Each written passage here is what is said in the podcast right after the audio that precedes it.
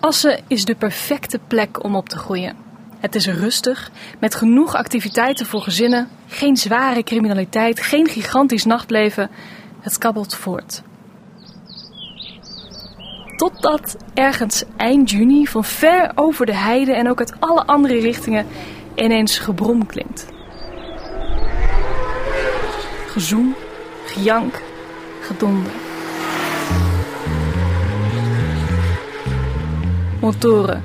Honderden, duizenden Harleys, Kawasaki's, Suzuki's, Honda's en Yamaha's uit heel Europa zijn onderweg naar het circuit in Assen, waar de jaarlijkse TT gehouden wordt. Op het anders verlaten veemarktterrein loeien nu de sirenes van de tientallen kermisattracties. Cafés waar Assenaren niet eerder van hoorden zijn ineens tot de late uren geopend. Overal klinkt muziek, zo hard mogelijk. En al komen ze met de auto, bezoekers lopen toch in motorpak.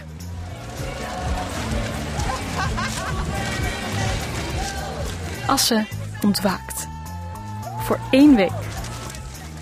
Ehm, twee mannen, toevallig beide met een baard, zul je daar dus nooit vinden.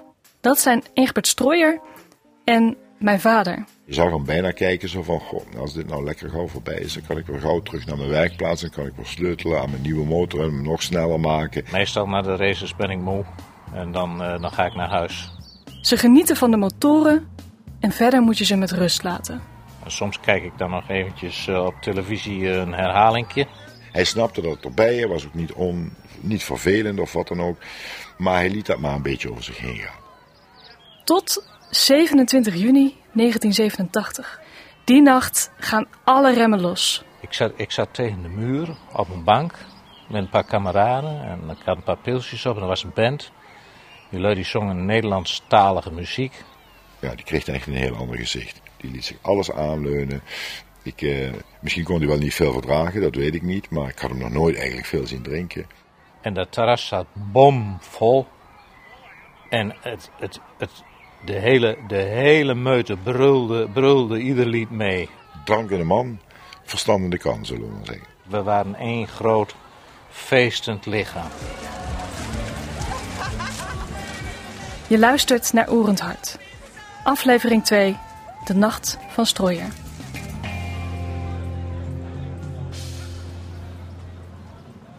Het is 1987 en die zinderende zaterdagnacht, waar zelfs mijn vader uit zijn dak ging, die ziet niemand aankomen.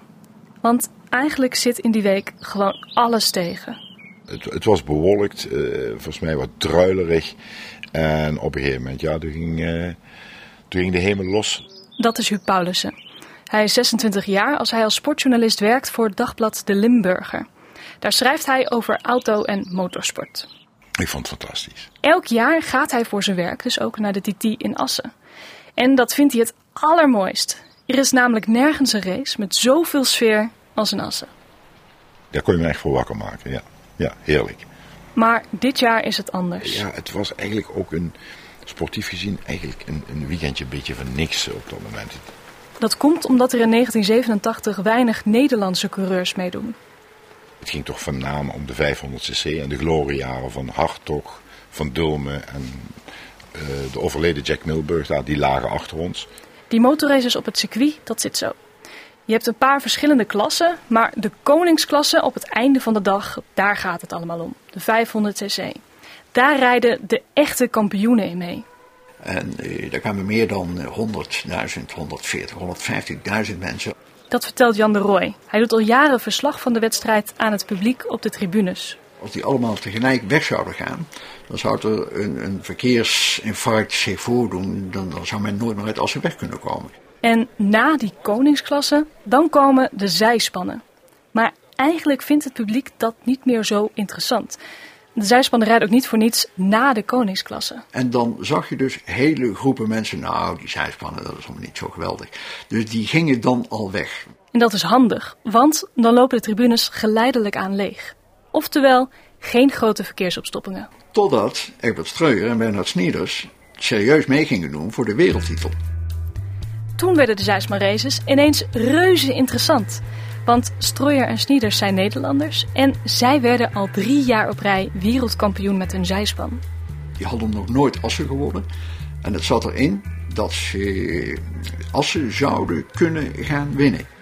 Met andere woorden, deze jongens zijn voor Huub Paulussen het verhaal van de week. Hij vindt ze boeiend, want het duo won dus nog nooit in Assen. Er rust een vloek op dat circuit.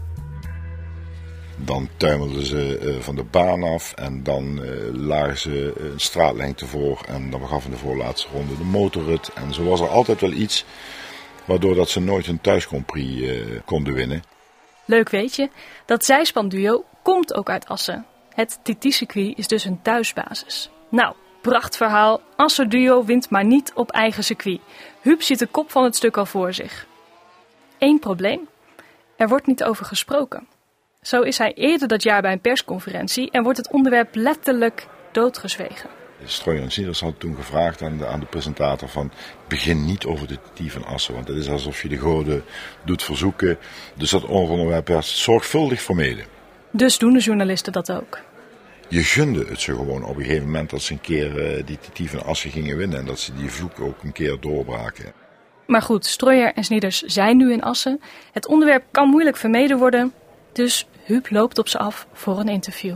Maar het was niet de man waar je als verslaggever naartoe ging en je kladblok dacht van, uh, weet je, ik stel een vraag en je, uh, je hebt je kladblok vol. Nee, dat was wel trekken en duwen. Vooral Egbert Strooijer, de man die de motor bestuurt, is een man van weinig woorden. Dat was meer de stille nerd. De, de echte de man die, uh, ja, die vooral met de techniek enorm bezig was. Nee, elke journalist weet, de mooie verhalen, die komen van de bakkenist. Want Bernard Snieders was wel iemand die, die vrolijk praatte en, en ook vertelde hoe dingen buiten de baan gingen. En Snieders ziet er ook nog eens totaal anders uit dan Strooijer. Strooijer heeft bijvoorbeeld een volle baard. Ja, een beetje, beetje viking-achting type was het. En dan is daar Snieders, de knappe verhalenverteller.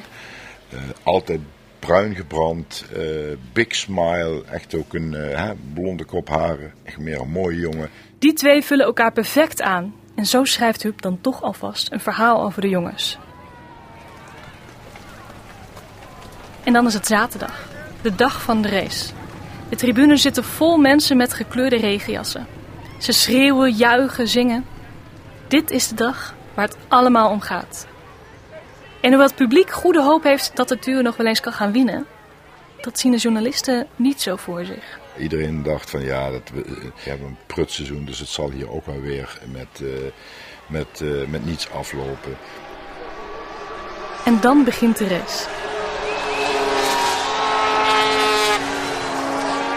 Ja, die, uh, ja, die wedstrijd die begon wel heel spannend. Maar dat duurt niet lang. Hoe het kan, dat snapt de concurrentie ook niet zo goed. Maar... En eindelijk lijkt het dan toch te gaan gebeuren. De vloek lijkt gebroken. Waar iedereen zo op hoopte, komt uit. Die twee uh, die gingen zo hard door de regen, daar, daar, was, daar stond geen maat op. Binnen de kortste keren heeft het duo een straatlengte voorsprong.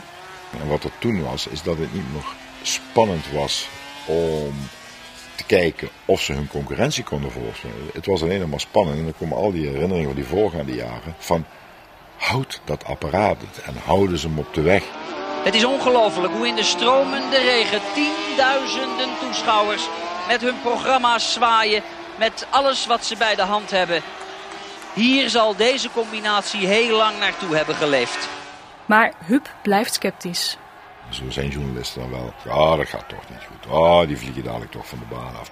Maar dat gebeurt maar niet. En het publiek wordt al wilder. Wijven met programmabladen of wijven met uh, uw pet of met uw shirt. Uh, laat het zien dat u enthousiast bent en dat we Nederlanders zijn. En dat werkt. Ondanks dat slechte weer en de capuchons en de regenpakken waar iedereen in zat.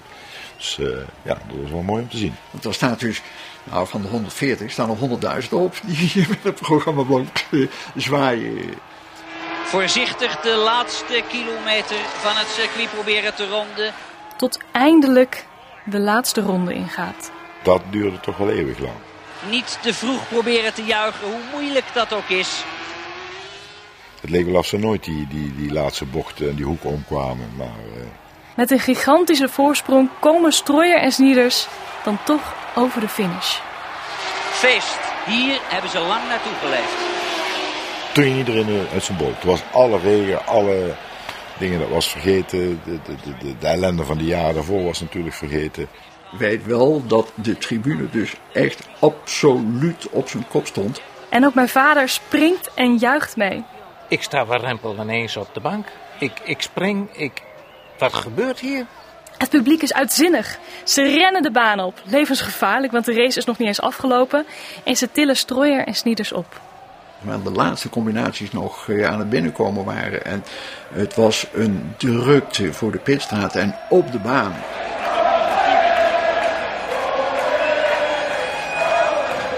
Ja, daar wil je natuurlijk wel bij zijn. Dus daar rennen we dan naartoe. Hier wachten de jongens al vier jaar op.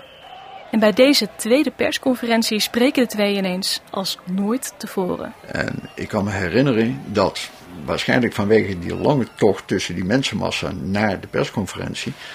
Dat, eh, en de champagne die erbij kwam na de huldiging, dat Egbert al met behoorlijke dubbele tong sprak. Ik ben nog nooit zo gelukkig geweest. En dat zei hij op zijn eigen manier, op zijn asses. Ik kan dat niet zo goed imiteren. Maar dat, was, ja, dat zijn momenten die je nooit vergeet. De jonge journalist schrijft alles op. De sfeer, de verhalen van het duo, het gezang van het publiek. En dan hoort Huub ineens ook iets over een privéfeestje.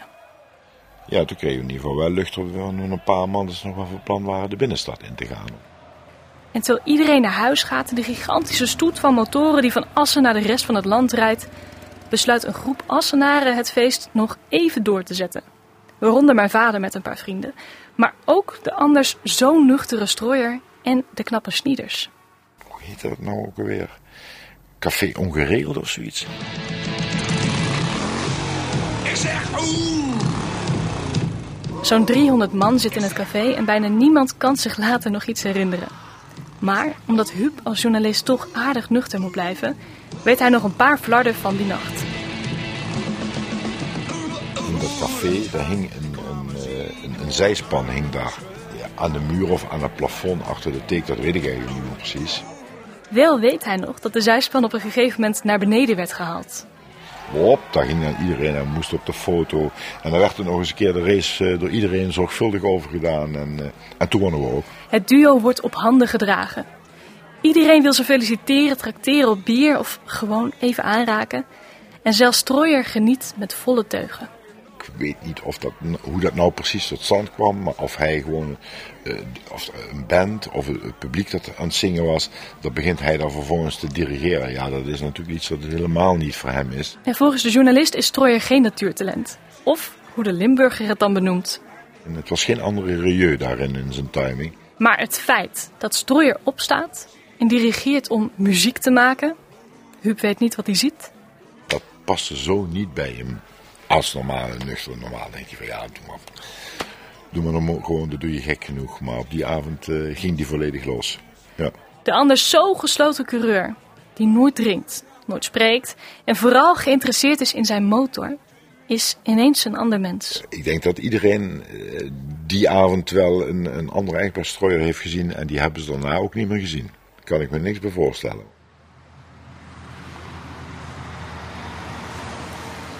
De volgende morgen zit Huub glimlachend weer in de auto terug naar Limburg. Op de radio hoort hij de wedstrijd nog weer eens terug en dan weet hij twee dingen. Eén, ik heb de voorpagina. En twee, ik heb iets meegemaakt wat bijna niemand kan navertellen. Want er waren die nacht nauwelijks andere verslaggevers.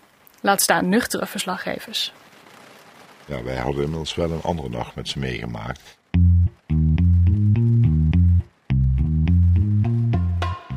De plastic bierglazen worden nog eenmaal opgeruimd.